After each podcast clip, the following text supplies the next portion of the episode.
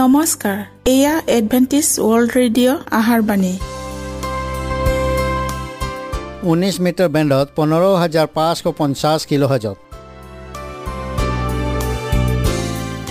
Adventist World radio যোগে অসমীয়া ভাষাত প্ৰচাৰিত আহাৰবাণী প্ৰত্যেক বুধবাৰ আৰু দেওবাৰ সন্ধিয়া সাত বজাত আহাৰবাণী শুনাৰ পিছত আপোনালোকৰ কিবা মন্তব্য আৰু প্ৰশ্ন থাকিলে আমালৈ এই ঠিকনাত লিখক। আমাৰ ঠিকনাটি হৈছে Adventist World Radio' Seven Day Adventist মণ্ডলী অসম শাখা লতাকাটা বশিষ্ঠ গুৱাহাটী সাত আঠ এক শূন্য দুই ন।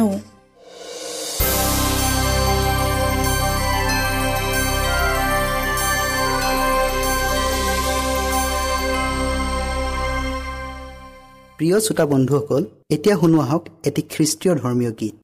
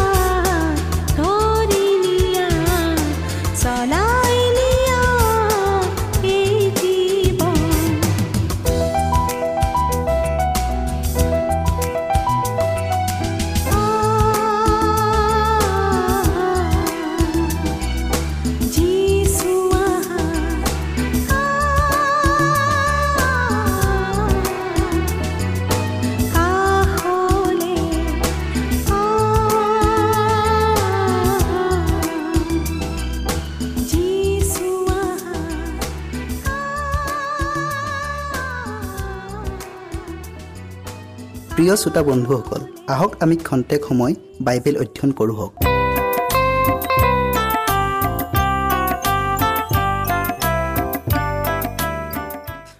আমাৰ আজিৰ বিষয়টি হ'ল আগবাঢ়ি যোৱাৰ ৰহস্য।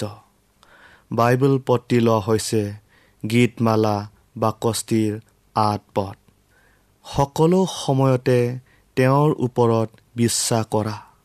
সেই লোকসকল তেওঁৰ সন্মুখত তোমাৰ হৃদয় বাকী দিয়া। ঈশ্বৰ আমাৰ বাবে আশ্ৰয়স্থল। বিষয়টিৰ আগবঢ়াৰ আগত আমি প্ৰাৰ্থনা কৰোঁ হওক হে কৰোণাময় ঈশ্বৰ জেহুৱা ধন্যবাদ প্ৰভু তোমাৰ প্ৰেম আৰু আশীৰ্বাদৰ বাবে। তুমি যেনেকৈ আমাৰ লগত দিনেই ৰাতি আছে ঠিক তেনেদৰে এতিয়াও বিশেষ সময়টোৰ বাবে তুমি আমাৰ লগত থাকা। প্ৰভু সকলো শ্ৰোতাৰ লগত তুমি থাকা আৰু পবিত্ৰ আত্মা দান কৰা যীশুৰ নামত খুজিলোঁ। আমেন। আমাৰ ঐশ্বৰিক জীৱনত যদি আগবাঢ়ি যাব বিচাৰোঁ আমি প্ৰাৰ্থনাত থাকিবই লাগিব। প্ৰথমবাৰৰ বাবে সত্যতাৰ বাণীক যেতিয়া প্ৰচাৰ কৰা হৈছিল। শিষ্যসকলে কিমান প্ৰাৰ্থনা কৰিছিল?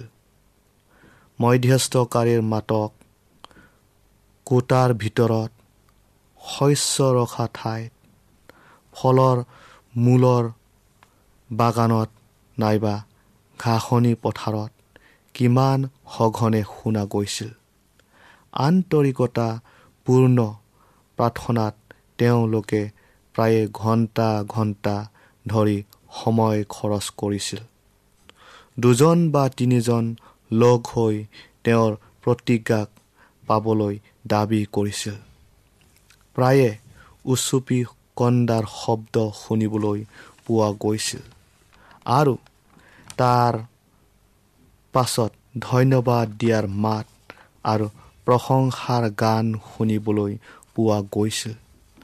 আমি প্ৰথমে বিশ্বাস কৰাৰ সময়তকৈ এতিয়া ঈশ্বৰৰ দিন অধিক ওচৰ হ'ল।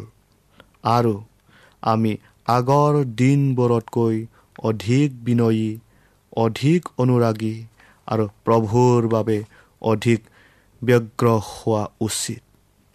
পূৰ্বৰ দিনতকৈ আমাৰ ধ্বংসৰ মাত্ৰা অধিক হ'ব। এয়া কেৱল অকলশৰীয়াকৈ কৰা কৰা প্ৰাৰ্থনাৰ ফল আছিল যাৰ দ্বাৰা যীশুৱে তেওঁৰ পৃথিৱীত অতিবাহিত কৰা জীৱনত জ্ঞান আৰু শক্তি পাইছিল। যুৱক যুৱতীসকলে তেওঁৰ আদৰ্শ অনুসৰণ কৰক আৰু সিহঁতৰ স্বৰ্গীয় পিতৃৰ সৈতে সময় কটাবলৈ অতি ৰাতি পুৱাতে সিহঁতক প্ৰাৰ্থনা কৰা অৱস্থাত দেখা পোৱা যাওক। আৰু গোটেই দিনটো সিহঁতৰ হৃদয়বোৰ ঈশ্বৰলৈ হাবিয়া কৰি থাকক। আমাৰ পথৰ প্ৰতিটো খোজৰ বিষয়ে তেওঁ এনেদৰে কৈছে কিয়নো তোমাৰ ঈশ্বৰ যি হোৱা যি মই ময়েই তোমাৰ সু হাতত ধৰি কওঁ ভয় নকৰিবা। ময়েই তোমাক সহায় কৰিম। আমাৰ ল'ৰা ছোৱালীসকলে সিহঁতৰ ল'ৰালি কালতে যদি এই শিক্ষা আহৰণ কৰিব পাৰে তেন্তে এই শিক্ষাই সিহঁতৰ জীৱনলৈ কিমান সজীৱতা কিমান শক্তি আৰু কিমান আনন্দ কিমান মধুৰতা আনি দিব। ঈশ্বৰলৈ জীৱন্ত ঈশ্বৰলৈ আপোনাৰ হৃদয়ে হাবিয়াস কৰক। তেওঁক পাবলৈ আপোনাৰ হৃদয় ব্যাকুল হওক। ঐশ্বৰিক প্ৰকৃতিৰ অংশীদাৰী হৈ কি ধৰণৰ প্ৰেম দয়া লাভ কৰিব পাৰি তাক কৃষ্টই জীৱনে দেখুৱাই দিলে। ঈশ্বৰৰ পৰা কৃষ্টই যিসকলৰ লাভ কৰিছিল সেই সকলোখিনিকে আমিও পাব পাৰোঁ। গতিকে খুজি লোৱা। জাকুবৰ দৰে বিশ্বাস কৰি নেৰা নেপেৰাকৈ লাগি ধৰা। এলিয়াৰ নিচিনাকৈ টানমনীয় উদ্যমতাৰে জিত কৰি ধৰা।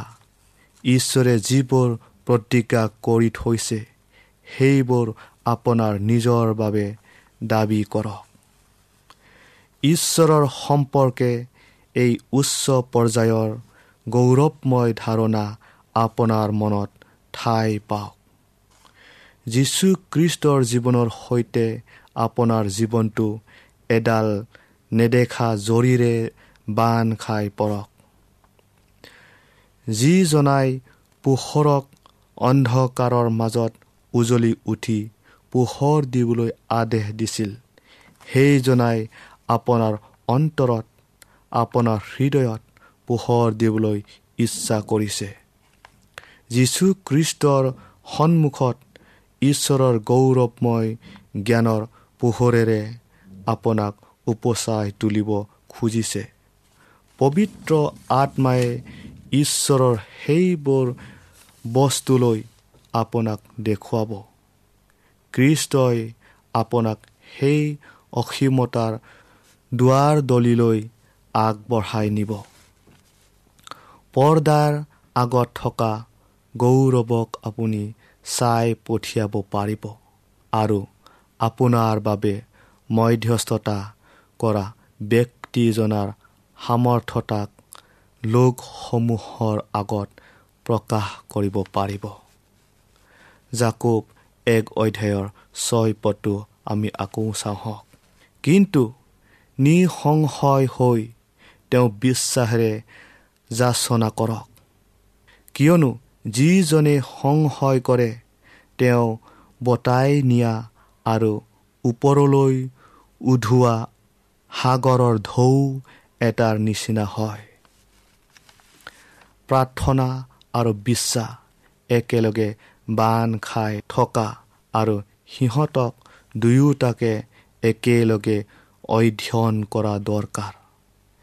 বিশ্বাসৰ প্ৰাৰ্থনাত ঐশ্বৰিক বিজ্ঞান নিহিত থাকে। ই এটা বিজ্ঞান আৰু যিসকলে নিজৰ কৰ্মই জীৱনটোক কৃতকাৰ্যতাৰে ভৰা জীৱন কৰি ল'ব বিচাৰে তেওঁবিলাকে এই বিজ্ঞান বুজি পাব লাগিব।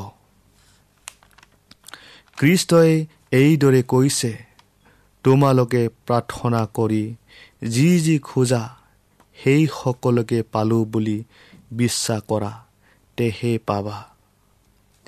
তেওঁ এইটো স্পষ্ট কৰি দিছে যে আমাৰ প্ৰাৰ্থনাবোৰ তেওঁৰ ইচ্ছা নিচিনাৰ হ'ব লাগিব।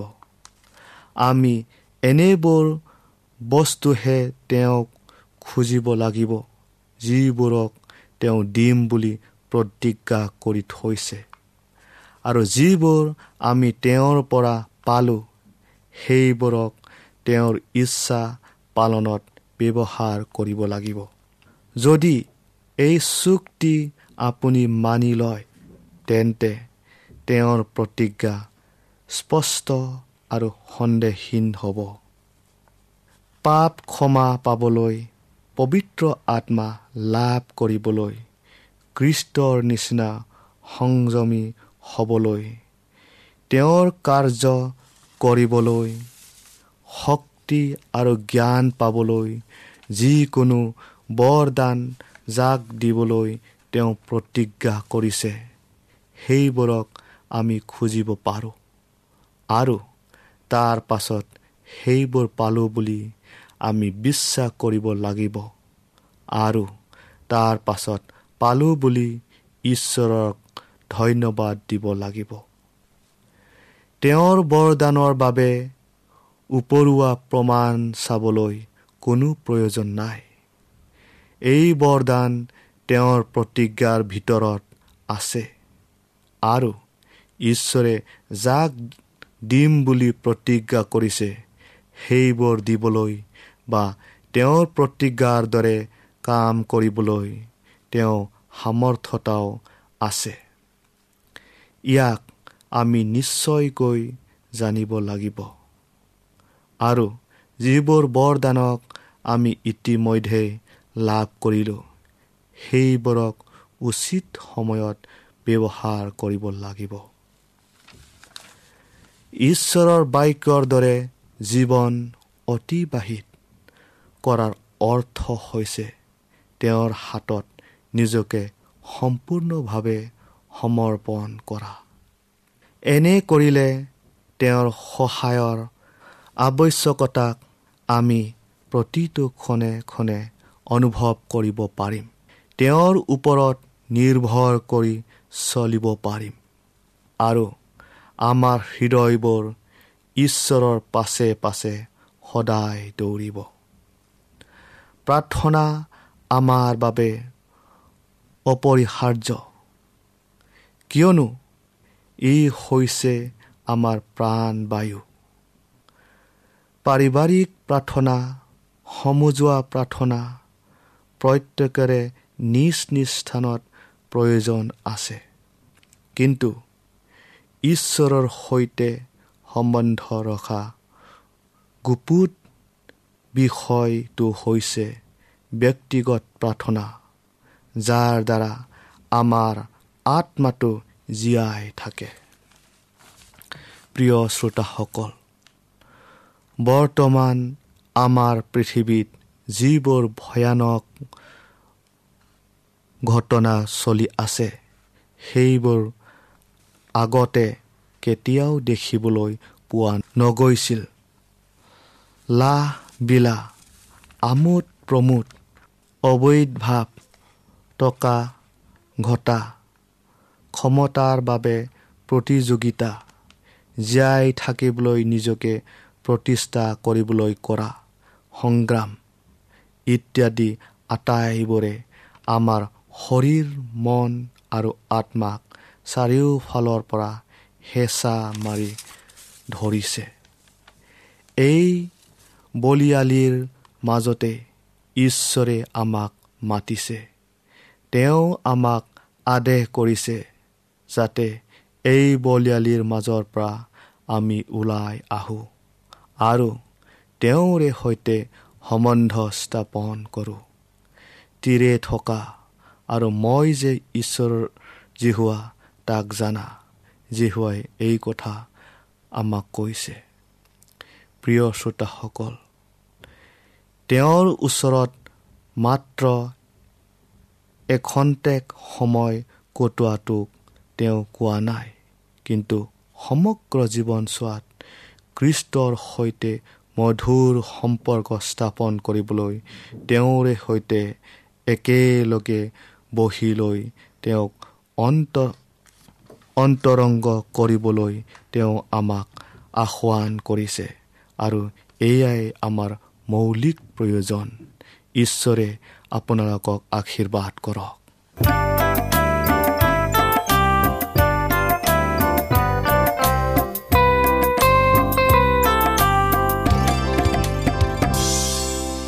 ইমানপুৰে আমি বাইবেল অধ্যয়ন কৰিলোঁ। এতিয়া আকৌ শুনো আহক এটি খ্ৰীষ্টীয় ধৰ্মীয় গীত।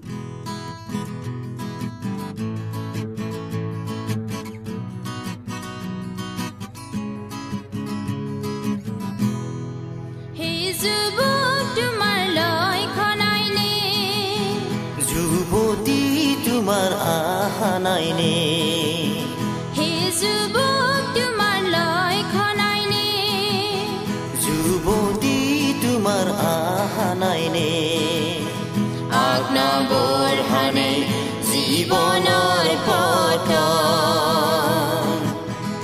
আগ্নবোৰ হানে জীৱনৰ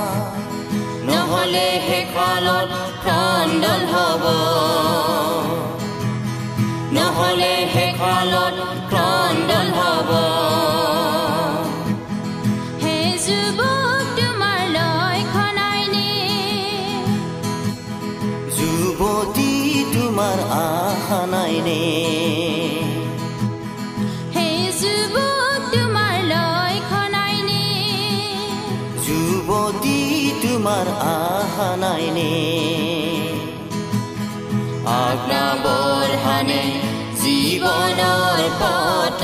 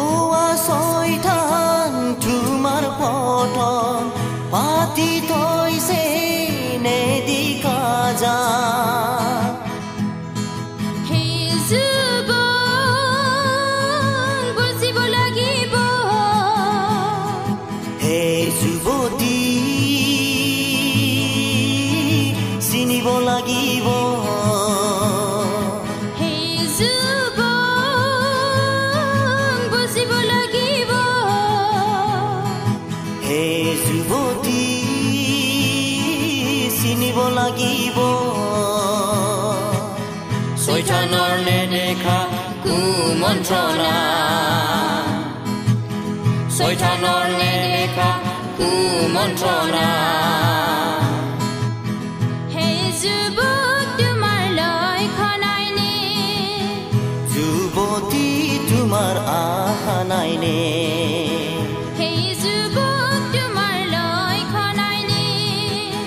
যুৱতী তোমাৰ আশা নাইনে বৰহানে জীৱনৰ পথ